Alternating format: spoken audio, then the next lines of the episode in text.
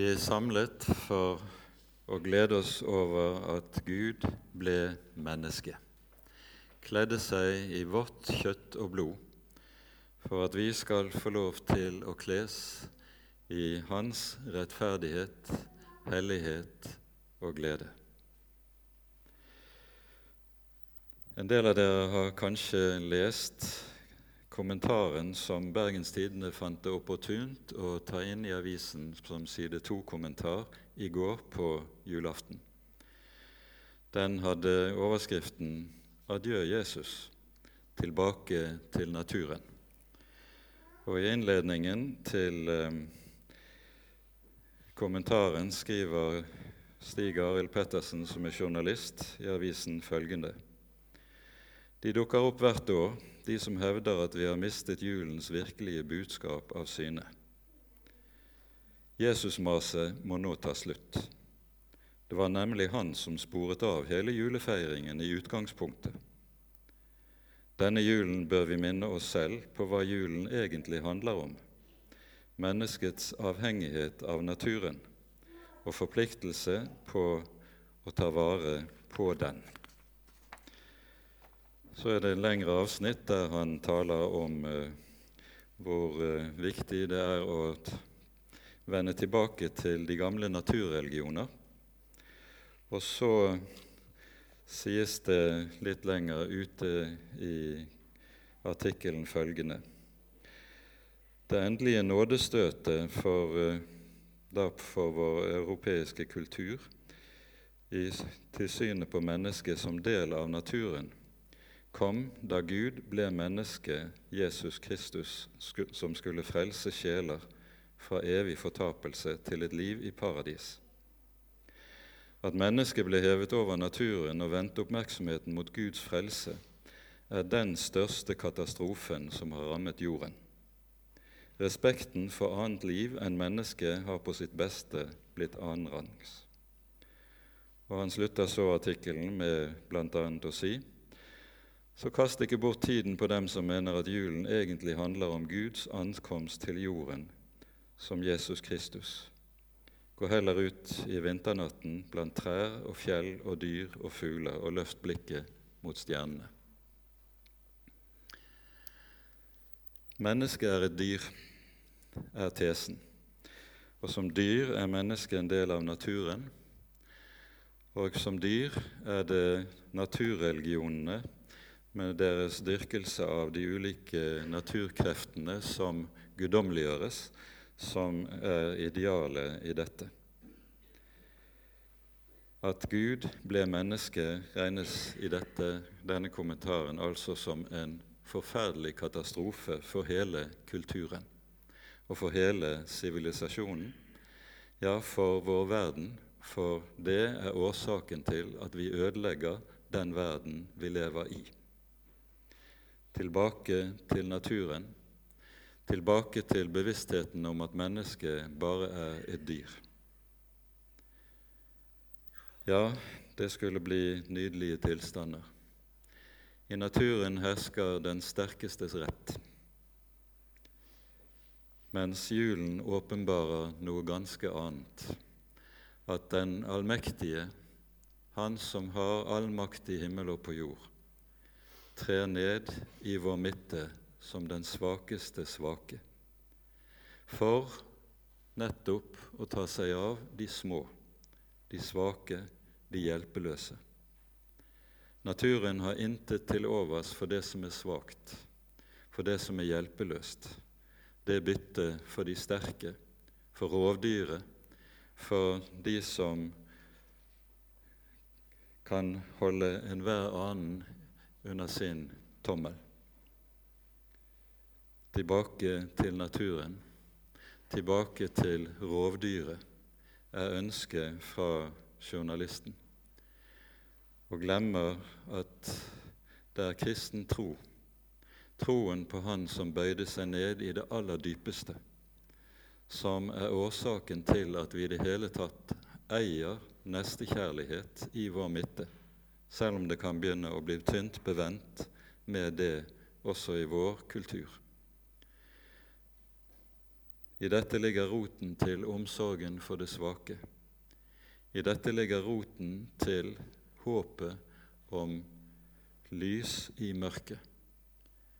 For i en natur som er uten annen guddom enn den Gud som er på den sterkestes side, der er det kun undergang å vente for de små og for de hjelpeløse.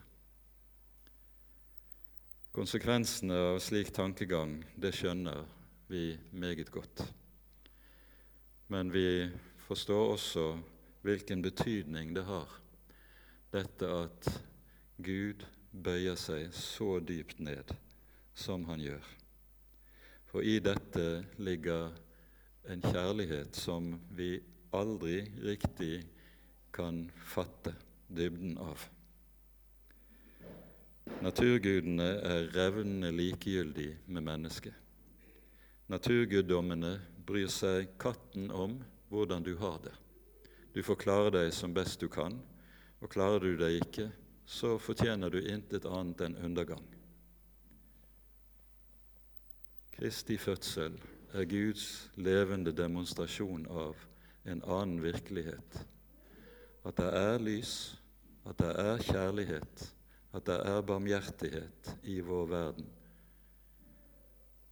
Og denne er legemliggjort i at Guds sønn trer inn i verden, kler seg i vårt kjøtt og blod, for å bære vår nød, bære vår synd, bære oss like hjem til den allmektiges nådige favn.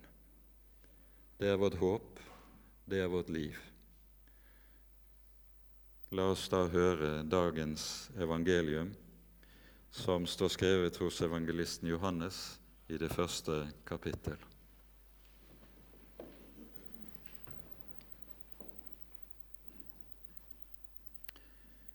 I begynnelsen var Ordet, og Ordet var hos Gud, og Ordet var Gud.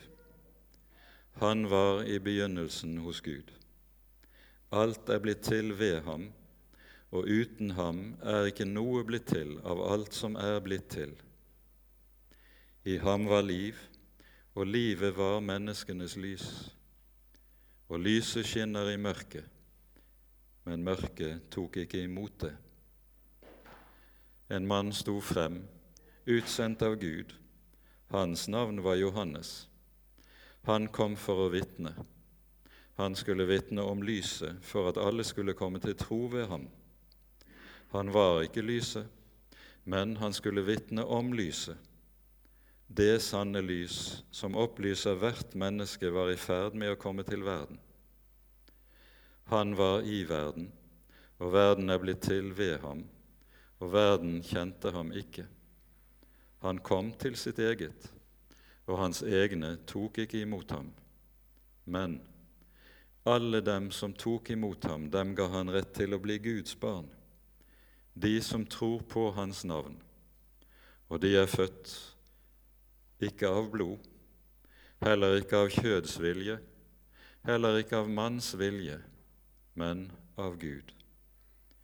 Og ordet ble kjød og tok bolig iblant oss, og vi så Hans herlighet, en herlighet som denne nedbåren sønn har fra sin far, full av nåde og sannhet.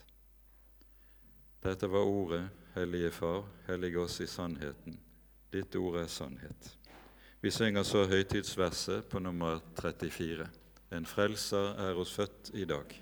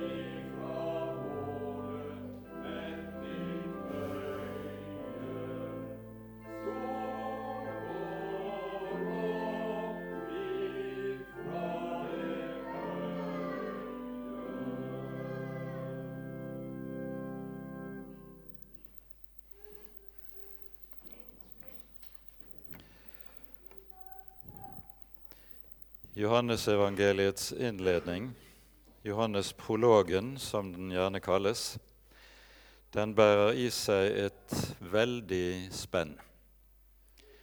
Den går fra skapelse til frelse. Ordet som ved hvilket alt ble skapt, er det samme ord som stiger inn i vår verden til vår frelse. Begynnelsen i Johannesevangeliet går like tilbake til begynnelsen i vår bibel. I begynnelsen skapte Gud himmel og jord. Og jorden var øde og tom. Det var mørke over det store dyp, og Guds ånd svevet over vannene. Da sa Gud, bli lys, og det ble lys. Skaperordet lyder, og skaper hva det nevner. Og dette ord som lyder fra Guds munn, er en person. Og ved denne person skaper Gud himmel og jord. Hele den virkelighet vi lever i, den ble til ved ham, som er Ordet. Alt ble til ved ham, og uten ham er ikke noe blitt til av alt som er blitt til. I de senere år så eh, vi blitt kjent med et nytt begrep som ikke har vært så vanlig tidligere. Og Det er begrepet definisjonsmakt. Og slik Bibelen taler, så er det ordet som er det som gir definisjonsmakt i hele virkeligheten og i det vi kaller virkelighetsforståelse. Og Denne definisjonsmakt er det som også styrer hva som er virkeligheten, forståelsen av virkeligheten, og ikke minst forståelsen av hvem og hva et menneske egentlig er for noe. Og når mennesket, som det gjør i dag, sier Gud farvel, Da sier det og selv vil definere sin virkelighet. Da kommer mennesket inn i en grunnleggende identitetskrise. En grunnleggende krise som gjelder forståelsen av hele sin plass i tilværelsen. En grunnleggende krise også i forståelsen av hvem en selv er. Og så blir konsekvensen slik vi ser det i dagens samfunn. En blir så opptatt av det som kalles for identitetspolitikk, at det tar over på alle bauger og kanter. Nettopp som en demonstrasjon av menneskets forvirring når det mister sin grunnleggende forankring i Han som er skaperen, og som har definisjonsmakten i tilværelsen. I begynnelsen var Ordet, og Ordet var hos Gud, og Ordet var Gud. Når apostelen Johannes knytter Jesu natur sammen med Ordet ifra begynnelsen, visdommen, slik som vi leser det i ordspråksboken, så henger det sammen med helt, noe helt avgjørende i Bibelens virkelighetsforståelse. Samtidig så er begrepet ordet, logos, som det heter på gresk, et helt sentralt ord i gresk kultur og filosofi på Jesu tid i det begrepet logos beskrev det som var en kalte for verdensfornuften, det som ga hele tilværelsen sammenheng, innhold og mening. Og På denne måten så har du en forbindelseslinje mellom det som var tenkningen i den gamle greske filosofi, og den bibelske tale om Ordet. Ordet er visdommen, vis, Guds visdom som skaper og definerer virkeligheten. Og så forkynner Johannes, så forkynner vår Bibel det som er oss ubegripelig, men like fullt er virkelig. At dette ord, ved hvilket alt det, hele universet med dets velde, ble til, dette ord blir menneske av kjøtt og blod. Og så blir han kjøtt og blod for også å bli til frelse for et menneske som har gått seg vill og gått fortapt. Skapelse og frelse henger på denne måten uløselig sammen i Bibelen. Henger uløselig sammen på en slik måte at de er bundet til hverandre i én og samme person, Jesus Kristus. Han som er skaperen, han er også frelseren. Og fordi han som frelser også er skaper, er han den som kom for å gjenreise det skaperverk som ble ødelagt ved fallet. Av denne grunn er det Bibelen peker frem mot avslutningen og sier Jeg så en ny himmel og en ny jord der rettferdighet bor. Nye himler og en ny jord blir til ene og alene på den grunnvoll at det er en som kom inn i historien og gjorde fallet med alle dets konsekvenser til intet, for at det som var fortapt, skal bli frelst. Underet i hele frelseshistorien består i dette at Han som er den allmektige og evige, er villig til å ofre seg selv. Vi skulle forvente at Gud krevet at mennesket skal gi sitt liv for ham. Og Det er for så vidt det som ligger implisitt i Guds bud. Men underet i frelsen er at det er Gud, kongen, universets evige og allmektige, som trer inn i historien og gir seg selv for mennesket. Gir seg selv for det som er fortapt.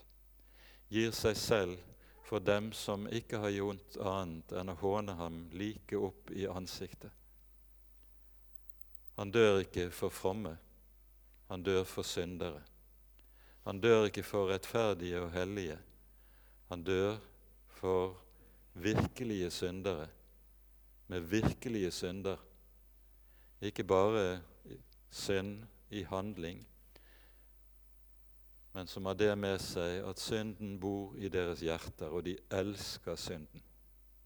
De elsker mørket fremfor lyset. Likevel Likevel, han trer inn, gir seg selv for nettopp slike. Det er underet.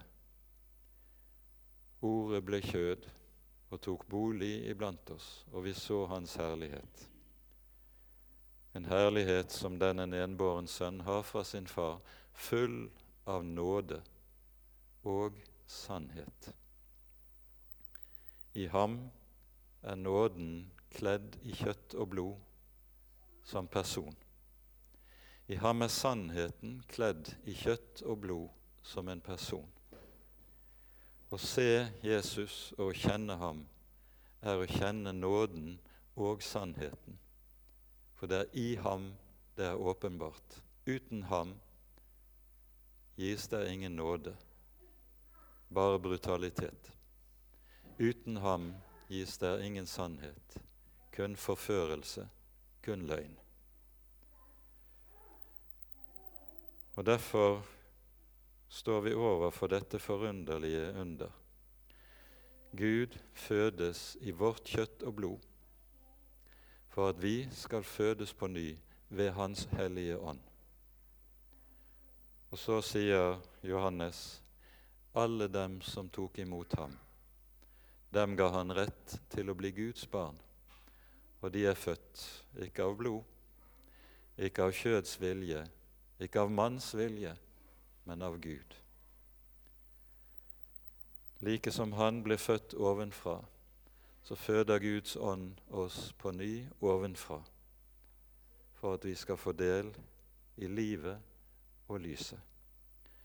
Når det sies 'i ham var liv', og livet var menneskenes lys, så er det slik at liv, det er noe som ingen av oss har, men det er noe som vi kun får, som vi mottar. Livet er noe vi har fått. Det er kun én som har liv i seg selv, og derfor er i stand til å skape liv. Det er Han som er Gud. Mennesket kan aldri skape liv. Det kan kun etterligne skaperen i etterapet skaperen i en del av det han gjør. Men intet laboratorium i verden har noensinne kunnet skape liv det er den allmektiges privilegium. Han er den som har liv i seg selv, og som derfor også er den som er livgiveren og livskaperen. Og livet er menneskenes lys. Der han trer inn med sitt liv, skaper liv av døde i synderes liv. Der skaper han også lys i mørket lys i mørket hos de som bor i det aller mørkeste. Dette er årsaken til at de første som fikk høre budskapet om Hans komme, det var en gruppe hyrder på marken i Betlehem som satt i mørket. Hyrdene var i datidens Israel en yrkesgruppe som var sett sterkt ned på. De var utenfor. Fordi de pga. sitt yrke ikke hadde mulighet til å overholde alle forskriftene som de lovtro fariseere mente en burde overholde for å være rettferdig. Men nettopp til disse som var utenfor, nettopp til disse som satt der i mørket, der var det Gud lot seg vise tre frem og åpenbare først. Og med det si oss hvem det var han kom for å ta seg av. Ikke de sterke, ikke de mektige, ikke de vise, men de små, de umyndige, syndere. For dem og for deres skyld kom han. Og de som har fått lov til å se ham.